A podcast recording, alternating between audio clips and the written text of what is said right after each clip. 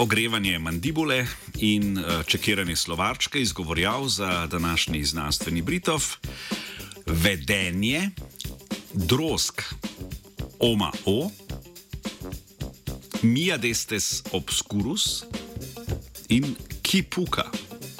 Ok, smo pripravljeni. Če smo, potem našpičite ušesa, kajti izvedeli boste marsikaj o visokotehnološkem ustvarjanju ptičjih vedenskih pokrajin.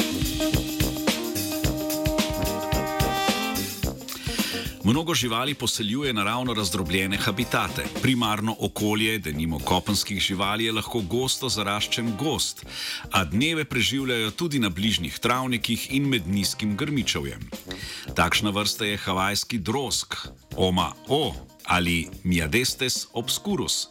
Majhna do srednje velika sivorjava ptica pevka, ki jo najdemo samo na Havajih in živi na območjih razliti lave in posameznih zaplat gozda.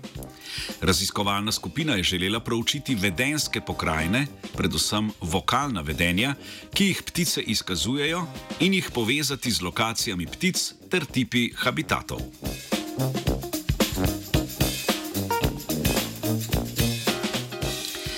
Havajski drozgi živijo med dvema habitatnima tipoma in sicer v kipukah ali osamelih zaplatah gosto zaraščenega gozda, ki se nahajajo znotraj drugega tipa habitata, območji razlite lave.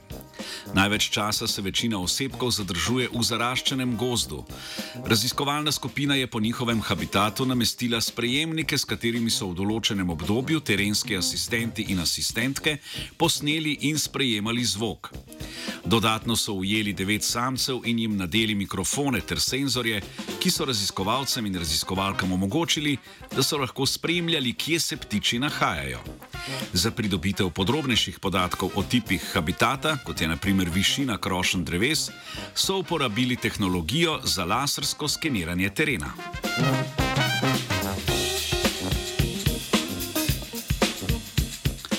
Spremljali so predvsem, kdaj ptiči uporabljajo klice, kdaj pojejo z običajno jakostjo, ter kdaj pojejo tišje in se oglašajo z različnimi šumi.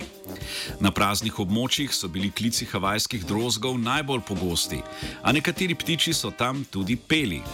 Predvsem so peli na območjih, kjer je bilo na negosto zaraščenem predelu nekaj krošen nižje rasti.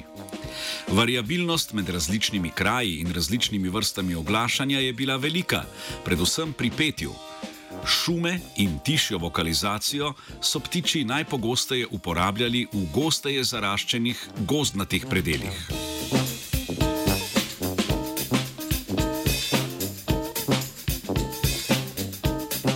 Tehnologija in to vrstne raziskave omogočajo povezovanje veden s tipi habitatov in okolij, ki jih živali naseljujejo. Redkejša pojavnost vokalizacij izven krošen dreves kaže na to, da se ptiči verjetno odločajo, kdaj se bodo oglasili. Ptiči so spremenili svojo vokalizacijo glede na razlike v habitatni strukturi.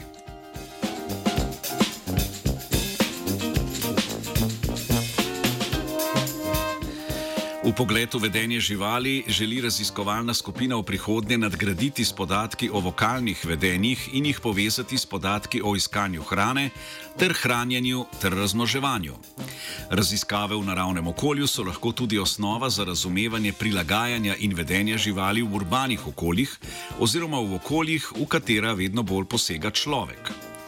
Razumevanje vedenj živali nam omogoča boljšo zaščito živali, ohranjanje vedenske diverzitete in ohranjanje živalskih populacij. Vedensko pokrajino havajskih drozgov je spoznavala Zarja.